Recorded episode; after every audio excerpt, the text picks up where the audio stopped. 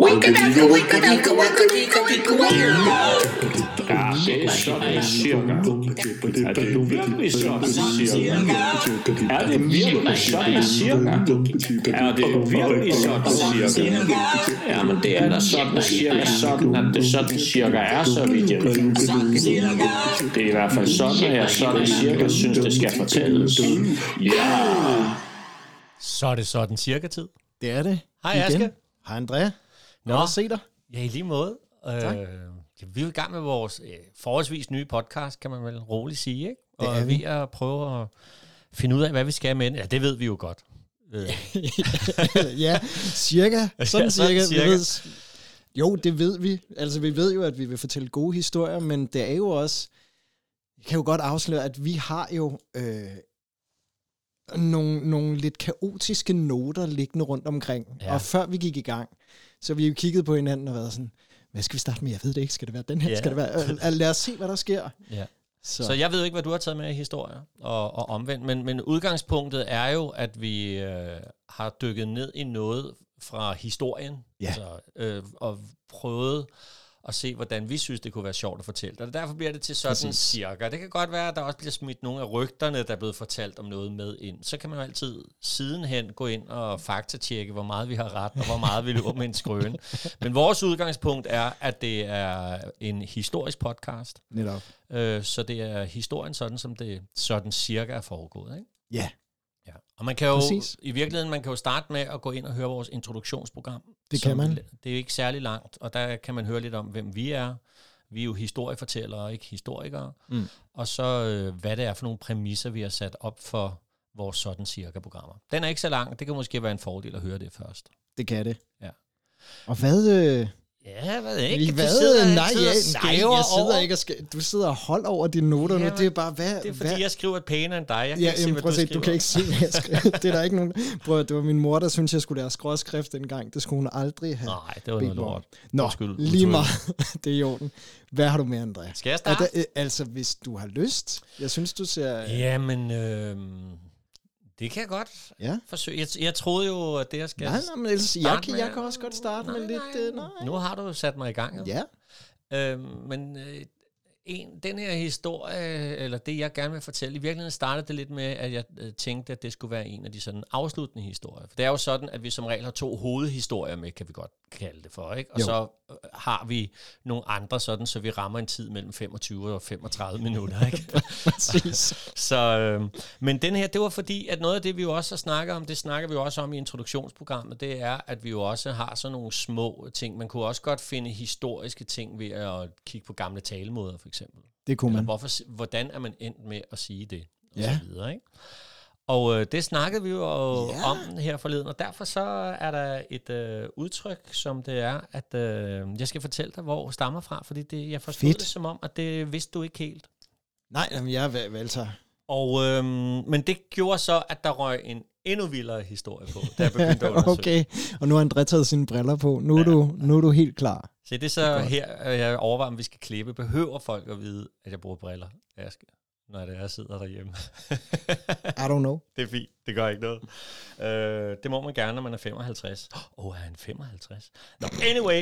øhm, ved du godt, Aske, at øh, det, hvad, det første dyr i rummet, hvad var det? øh, er det ikke Leica, Jo, som var, øh, som var en hund? Ja. En, en russisk hund, ikke? Det er nemlig Stakkels rigtigt. Leica. Øhm, ja. Men ved du så godt, at de første dyr i luften, det var et får og en and og en hane? det, lyder, det lyder som om, du skal i gang med sådan en oldemors godnat-historie. Ja, Ja, nej, nej, det, det- ved nej. jeg ikke. Det er, vi er i 1783, Okay. øh, fordi det er her, at Joseph Montgolfier, han... Øh, Ja, det hedder han. Det kan jeg da ikke gøre for. Ja, det hedder han måske sådan cirka. Sådan fordi cirka, Jeg kan ja. ikke fransk. Men øh, han har eksperimenteret lidt med at se, om man kunne få ting op i luften via varm luft. Ja. Så han er den første, der får lavet det, øh, som der vel i dag bliver, bliver talt for, kaldt for luftballonens første fart. Okay. Så det er ham, der opfinder den, og det er altså ikke helt rigtigt, for man har lidt et indtryk af, at kineserne har muligvis allerede gjort det i 1300-tallet. Mm. Men han har løbet med, med titlen om at være ham, der opfinder luftballonen. Ja. Og det var jo med varm luft dengang. Øh, sidenhen har man også kun med brint, og der findes også en kombi. Øh, det skal jeg ikke komme ind på. Er nogen, der Nej, ved nej. meget mere om end mig. Øh, men det er i hvert fald en forholdsvis ny opfindelse, og, øh, og han øh, sender så en luftballon højt op, uden noget ombord, øh, og så en 3-4 måneder efter, så sender han jo altså så det her får og en and og en hane op, og okay. da de kommer ned, så lever de bedste velgående. Og det er jo Ej, vildt, bravende mand. succes, og der skal man jo tænke på, at man Ja. har jo aldrig været, Nej. været oppe i luften på den måde. Og, og hvor lang tid har de været i luften? Ved man det her? Det, eller er øh, det ved jeg ikke lige, Nej, nej, men, men øh, de har jo heller ikke været så højt op, som man kan komme i dag, jo. Nej, gætter jeg på. Øh, nu løber jeg med en, med en halv vind, og på det tidspunkt har man jo, troede man jo også, at det var røgen fra varmluften, der, der fik den til at stige. Men det er jo så, og her må nogle andre kloge gå ind, det er jo noget med luftmassen, der udvider sig, og, samtidig, og det skal jo samtidig være lettere end den luft, der er, og bla bla bla. Ja. Det ved jeg simpelthen ikke nok om. Men det er faktisk ham, der får gjort det. Og øh, 1783. Ja. Og det bliver jo sådan lidt øh, vildt. Øh, og så bliver første gang, det sådan bliver brugt i, øh, i sådan noget krigsførelse. Ja, okay. Det er, og der har jeg altså ikke årene med, men det er, jeg mener, det er i 1800-tallet. Den øh, fransk-tyske krig, som er sådan en krig, der kører Ja. ja. midt i det hele.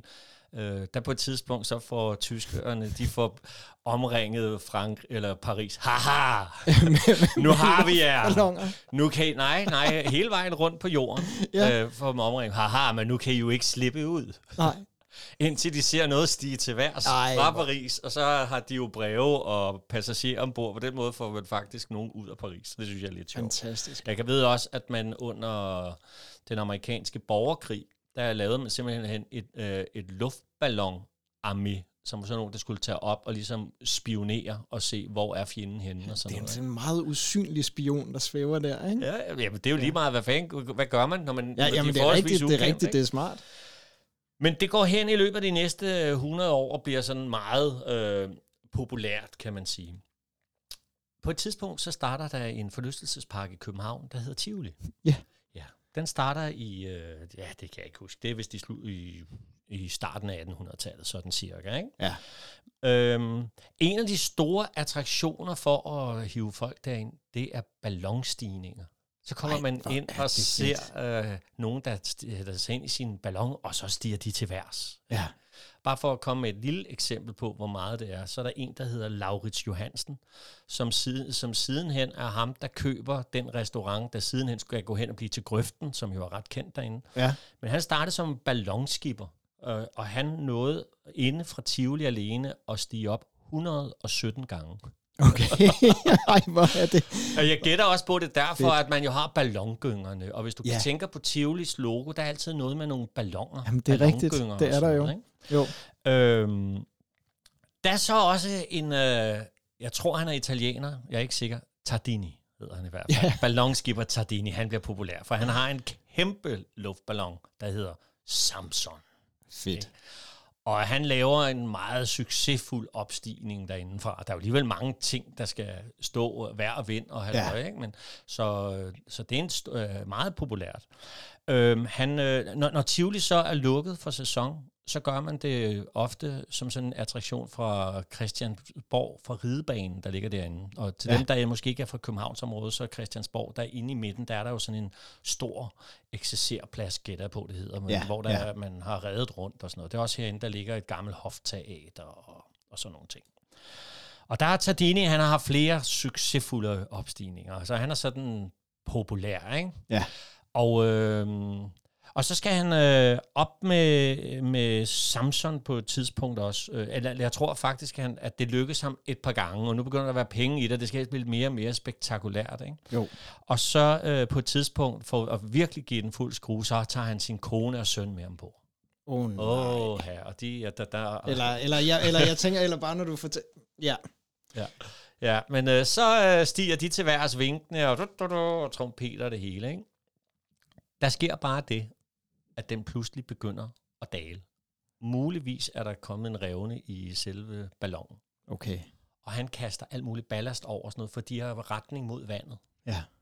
øh, mod havet, og han har sin, øh, sit lille barn, jeg ved ikke, hvor gammel sønnen er, men sit barn og sin kone med, så der bliver bare smidt ting over bords. Øhm, og til sidst, så kan han ikke finde på andet at smide over bord end sig selv. Nej, oh, nej. så han Nej, hop, og hvor tappert. ja, Og, så han hopper i havet, Ja. og øh, så lige akkurat nok til, at ballonen faktisk stiger og lander på sikker grund. ej, hvor er det en fed historie. Ja. Men manden kan ikke svømme, Åh oh, nej. så han drukner. nej. jo, er det ikke? Ja, vi skal jo ikke sidde Jamen, her og det- grine. Nej, det er jo men helt det, nej, det er jo virkelig sørgeligt. Ja, det er nemlig lidt sørgeligt. Men, men en vild historie, den er Ja. jeg aldrig, altså det, jeg har aldrig Men hørt det om slutter før. jo ikke her. Nej. Aske. Det starter her. Okay. Fordi at, øh, det er klart, det giver det jo endnu mere, men det var jo forfærdeligt, det er også lidt farligt, det der med ballon, øh, Ja. øh, halløj. Så derfor så bliver det jo, det kommer der jo endnu flere, ikke? Ja. Og i 1857, der står svenske ballonskipper Ja. Victor Granberg klar. Og hvor, hvor er det, øh, vi har ham? Ja, det finder du ud af. Okay. Victor Granberg, Ja. han øh, har så fået fat i Tardinis luftballon Samson. Og nu Okay. er folk samlet, for nu skal den her gigantiske ballon endelig op og flyve. Ikke? Ja. Og Victor Granberg, han øh, gør sig klar og så videre, og der er det med hornorkester og hele pivetøjet og hele København, som jeg forestiller mig, det har været, så er det jo sådan, Ja. sådan cirka, du ved, med flade stråhatte og kjolerne, øh, Oh, hvide yes. kjoler og parasoller og vinke-vinke, ikke? Jo. Og så er han klar, og så revner ballonen Åh oh, nej. så han ikke kommer op. Men jeg prøver igen om tre uger. Ja. Øh, ja. Og alle, der har billet i dag, for det kostede jo penge at komme ind, ikke? Jo, jo, jo. Øh, de er selvfølgelig velkommen.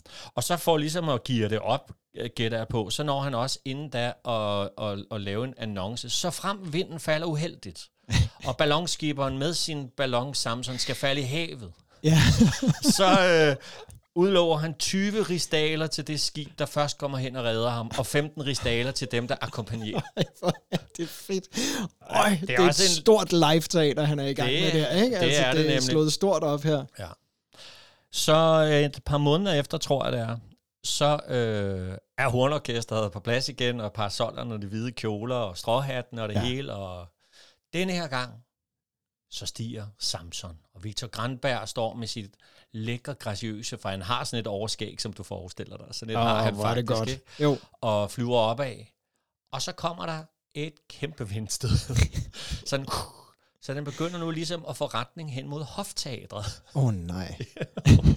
jeg har sagt, åh oh, nej, mange gange, mange gange. i den, den her historie, men Ja. det er der en god grund til. Så nu er han øh, over ved hofteatret, Ja. og så øh, der, der rammer den ind i, og så er nogle af de her fortøjninger, eller hvad det er for nogle snore, Ja. ligesom får fat i hofteatrets tag. Så Ja. han bliver nødt til at hoppe ud af sin øh, ballon, og så får han løsnet fortøjringen, men mister grebet, så ballonen flyver uden ham. Og så står Victor Grandberg tilbage op på hofteatrets tag.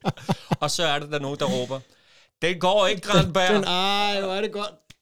Ja, yeah, Hey. den går ikke Grandberg. Øh, det gamle udtryk, som øh, mange af jer sikkert kender. Dem, der ikke gør, så er det sådan noget, mine forældre i hvert fald sagde, at den går ikke Grandberg, når der Nej, var noget. ja, ja, men- ja. Ikke? Det er simpelthen derfra. Det stammer derfra. Hvor er det vildt. Ja. Jamen selvfølgelig. Ej.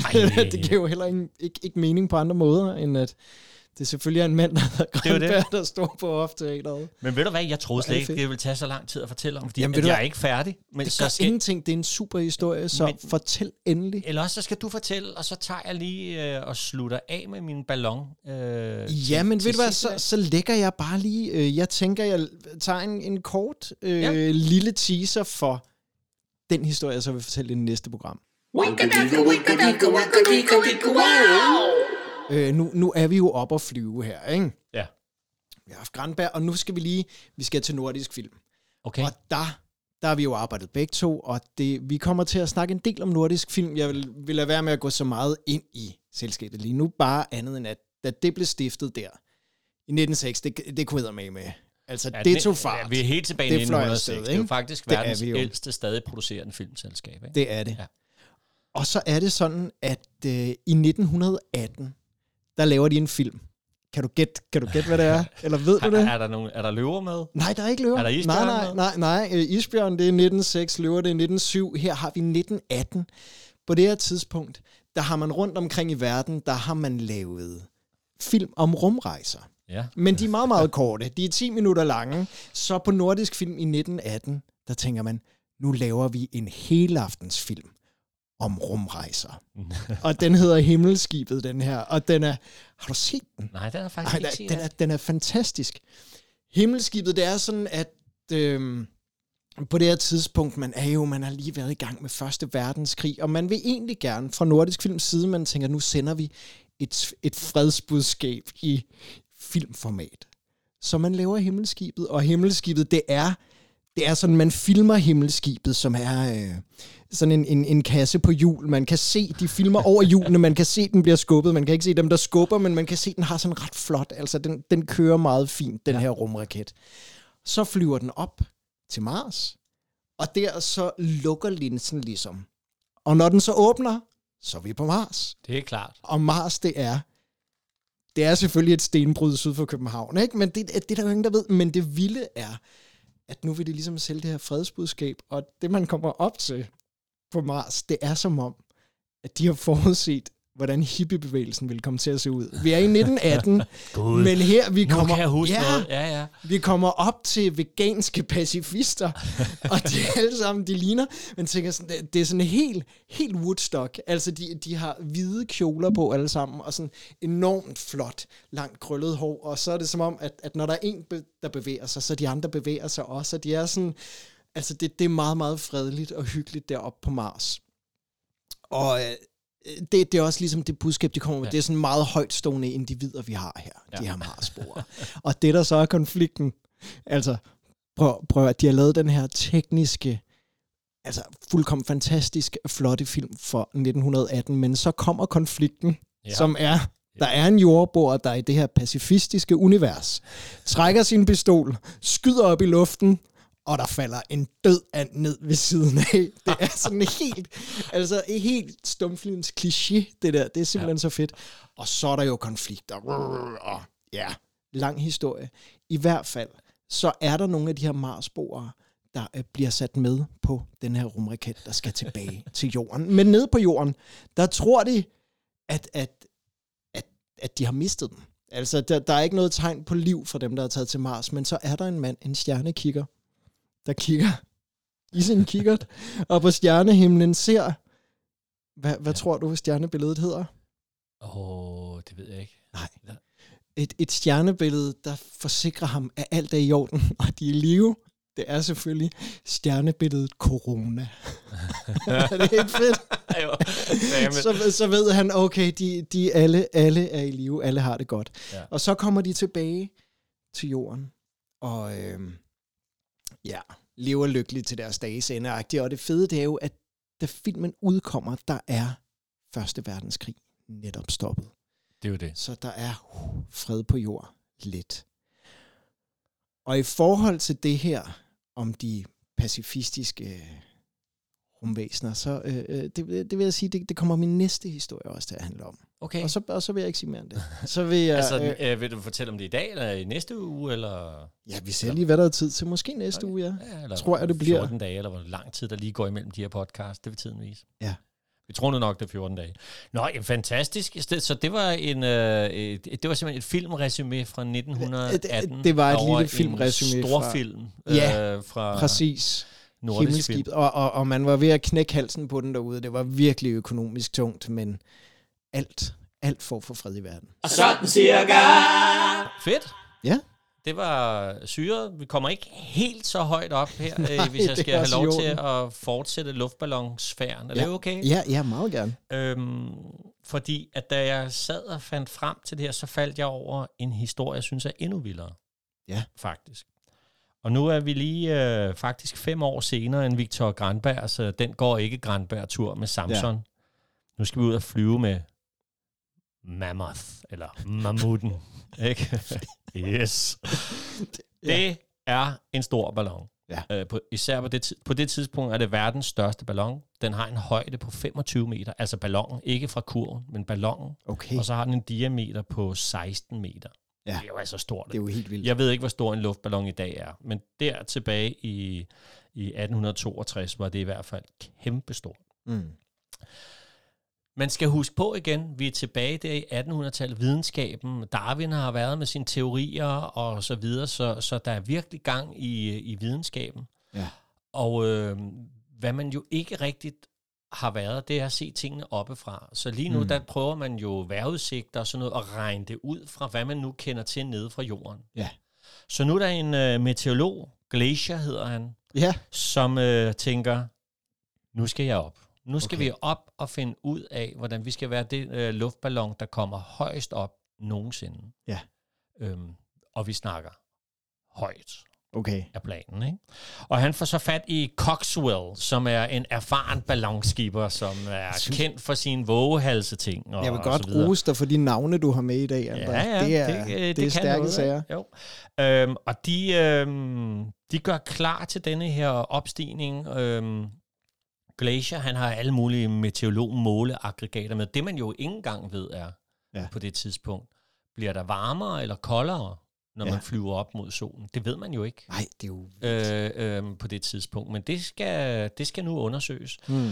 Og de har vist nok en første øh, prøvefærd, som går fint og så videre. Så nu gør de klar. Det er jeg ikke sikker på, men det jeg tror nok sådan cirka, det sådan, det foregår. Ja, Og så gør de klar til selve deres færd op, ikke? Og Jo. det ser ud som om, det bliver godt. Øh, der er 15 grader på jorden, så det er sådan, det skal nok blive en god tur. De har, for det kunne de jo godt mærke første gang, de har lige taget lidt, lidt smålun tøj med måske en meget god idé. til turen, ikke? Øhm, og så begynder de at opstige den på denne her videnskabelige tur. Ja. Da de kommer 1,5 km op i luften, Ja, der rammer de 0 grader. Ja.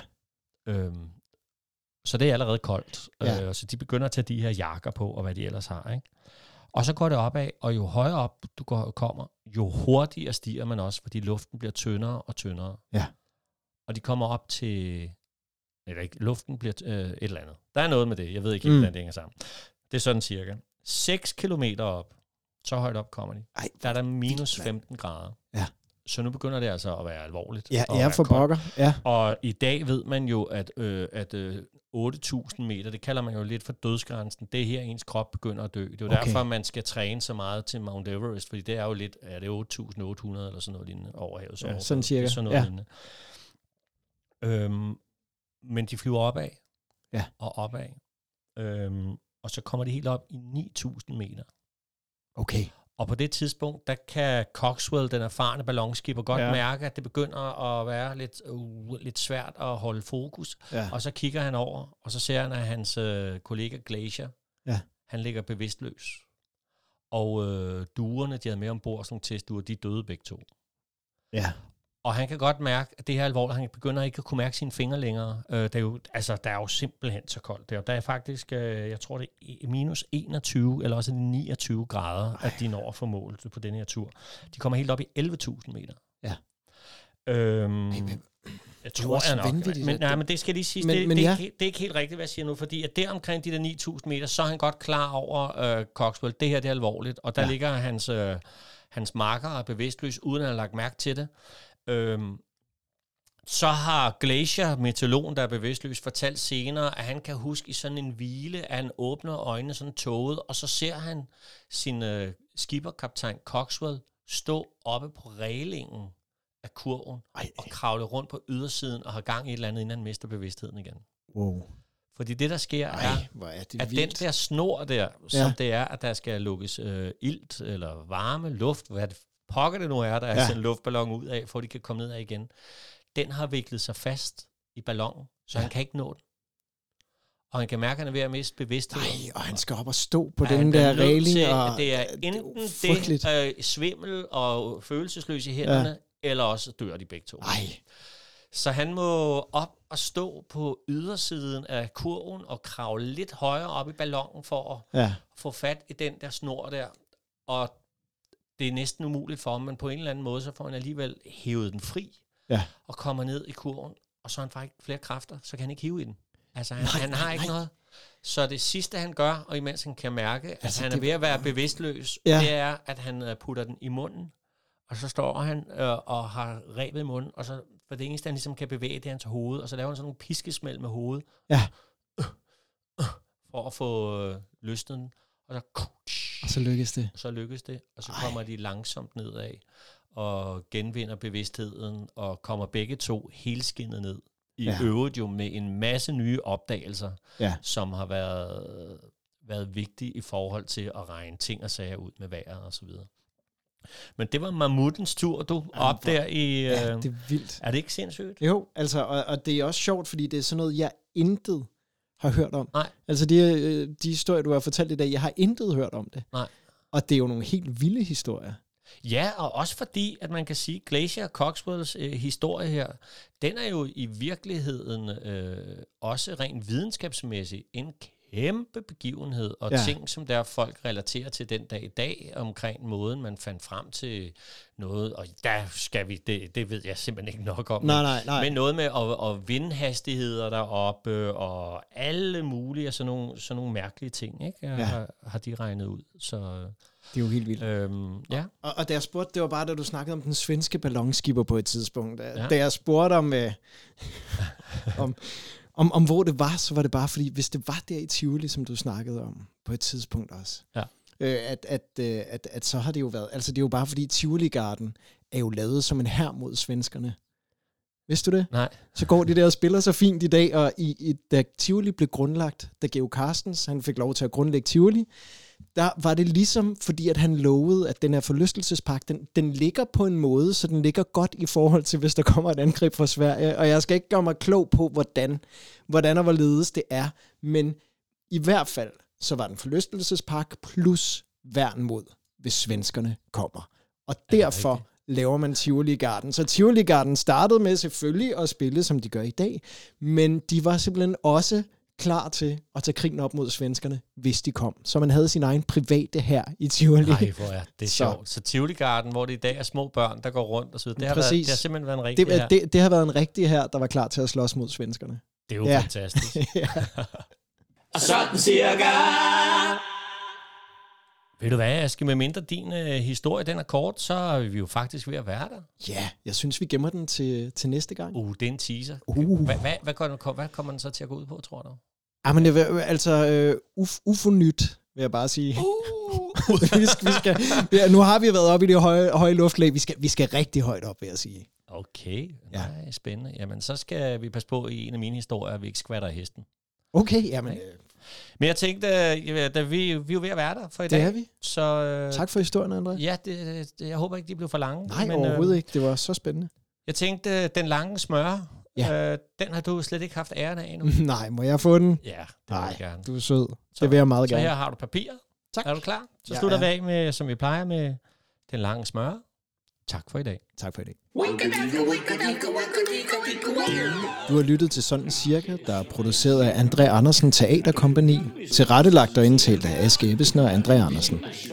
Du kan læse mere om vores podcasts, liveoptrædener og byvandringer på sådancirka.dk, andreandersen.dk og askeebbesen.dk. Du er også velkommen til at følge Sådan Cirka på Facebook-siden af samme navn. Det var Sådan Cirka den lange smør. Vi høres ved.